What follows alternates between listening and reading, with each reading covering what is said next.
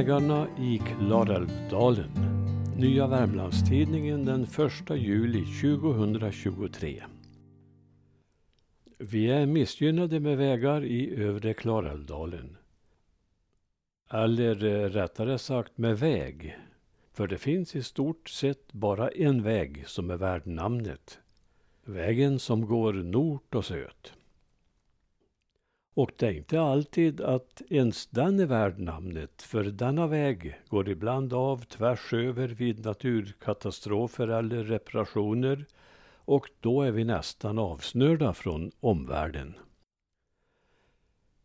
Vägarna i Klarälvdalen, eller bristen på sådana, har alltid vållat bekymmer.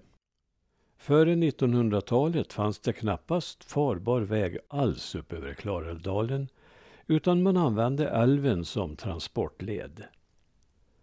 På den rodde eller stakade man till och med uppströms med båtar som var tungt lastade, till exempel med järn som skulle vidare till Letafors bruk.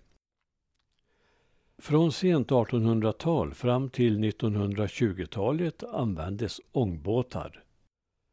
Vintertid var säkert bästa tiden för transporter för då tog man sig fram med slädar på släta älvisen. Järnväg har funnits på önskelistan vid flera tillfällen men det har alltid hakat upp sig på något tvistefrö. Bredspårig eller smalspårig, landsväg eller järnväg, östsidan eller västsidan. Lösningen har mest blivit att det får anstå och duga som det är. Först 1895 fanns körbar väg ända upp till Långflon. Att vägen var körbar betydde inte att den var anpassad till den kommande motortrafiken. Nej, det var först under AK-arbetarnas tid på 1930-talet som hänsyn togs till att bilarna skulle ta sig fram. Sedan har inte mycket mer än beläggning hänt medan bilarna och bussarna har ökat dramatiskt i antal och de större fordonen i både längd och bredd. Väg 62 är i stort behov av en breddning. Dagens lastbilar kräver hela sin väghalva och ibland mer än så. Som cyklist eller gående undviker man helst att ge sig ut på 62an där speciellt vissa sträckor med svåra kurvor och backar är helt enkelt livsfarliga. En sådan sträcka är vägen mellan Ransby och Sysslebäck. När det gäller vägen på västsidan av älven i den trånga dalen är problemet ännu inte löst. Där har folket tålmodigt i årtionden väntat på upprustning och bristen på farbar väg har aktualiserats på senare år när väg 62 på östsidan då och då stängts av på grund av naturkatastrofer eller större reparationer. Nuvarande sommar har ett omfattande vägarbete pågått under flera veckor på väg 62 norr om Värnäs och biltrafiken har fått följa något svårtolkade hänvisningspilar. Speciellt svårt har det varit med tyngre fordon som fått göra flera mil långa omvägar. Personbilar kommer till nöds fram på västsidan. En del lastbilar och bussar har ändå dykt upp på den smala vägen på älvens västsida där svårlösta problem uppstått när två sådana fordon möts. Kritiken från allmänheten har varit hård. Jag har själv skrivit till Trafikverket och frågat hur länge det skulle pågå och framför allt, skulle det inte gå att påskynda arbetet, till exempel med skiftgång? Svaret lät vänta på sig. När det äntligen kom fick jag veta att arbetet nu var klart och vägen inte längre avstängd. Men det visste jag ju redan själv då och fick inget svar på om arbetet hade kunnat göras snabbare. Liknande problem har inträffat förut. Väg 62, som är den stora pulsådern, har några gånger stängts helt och vägvisningen har inte alltid varit helt lättförstådd. Västsidans vägar har fått en belastning som är orimlig. Där blir det problem redan när två personbilar ska mötas. Ur säkerhetssynpunkt borde en självklar lösning på sikt vara att västsidans väg breddas och förstärks samt kläds med ett asfalttäcke. Det räcker inte med en enda väg längs den långa dalgången vid större avbrott. En alternativ väg måste till och då duger inte västsidans väg från 1930-talet. När vägen bröt mellan Ransby och Sysslebäck för ett tjugotal år sedan blev jag hänvisad till vägen om Bograngen. Vägen till mitt jobb förlängdes från fem kilometer till cirka sex mil. Istället valde jag västsidans väg och sparade åtskilliga mil. Men den mjuka grusvägen blev hårt belastad i regnvädret och jag hade lervälling upp på halva hjulen.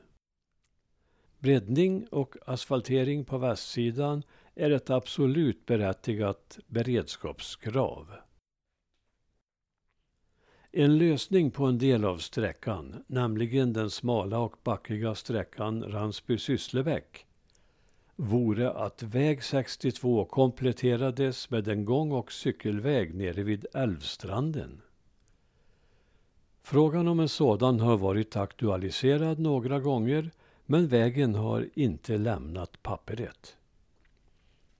Av någon anledning föll idén med en sådan så kallad flottarväg men ett erosionsskydd byggdes vid stranden mot de tvära branterna från Ransby och norrut för några decennier sedan.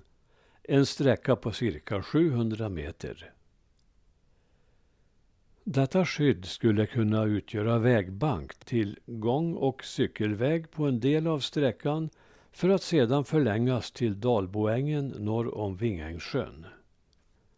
Det har diskuterats om det inte skulle behövas ett erosionsskydd också norrifrån efter öppnandet av huvudådran vid Vingängsjöns holmar.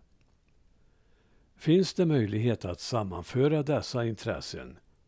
Rasskyddad strand även vid Skansen, avlastning av väg 62 och en historisk vandringsled för turisterna. Under min tid som kulturminister i republiken Klarälvdalen skrev jag några gånger till berörda myndigheter om denna möjlighet. Trafiksäkerheten var en punkt, men Vingensjön är viktig ur flera synpunkter där den med sitt delta utgör en viktig gräns mellan Klarälvens forsande lopp och dess unika meanderlopp. Jag citerar en del av skrivelsen från 1998 som jag undertecknade tillsammans med kommunikationsminister Anders Skog och president Peter Iboa den förste. En gång och cykelväg längs Vingängsjön skulle tjäna flera syften. Den skulle avlasta väg 62 på en omöjlig sträcka för gående och cyklister. Den skulle kunna byggas som ett erosionsskydd då huvudådran vid holmarna öppnas för älvens vatten för fiskeriintressets skull. Den skulle kunna bli en del i en pilgrimsled för turister. Den skulle kunna göras till en kulturvandring och förses med informationsskyltar om flera sevärdheter längs vägen där Munkkällan finns liksom Munkheden, en rastplats under pilgrimsvandringens tid båten Vingängs slutstation, platsen där kyrkklockan som skulle till Gustav Vasa gick genom isen. Vägen går nära holmarna som är Klarälvens nordliga delta. Dessutom finns Ransby skans från 1500-talet i omedelbar närhet och dit borde erosionsskyddet förlängas för att skydda skansen och den skulle skapa sysselsättning under byggtiden. Med en önskan om att Vägverket och Länsstyrelsen kan genomföra eller initiera detta projekt. Så långt skrivelsen. Svaret hänvisades lite fram och åter mellan myndigheterna för att slutligen, om mina papper stämmer, fastna hos Länsstyrelsen där de nog tyckte att det var färdigtjatat. Men vem vet, de kanske har slitit med frågan sedan dess. Än ger vi inte upp.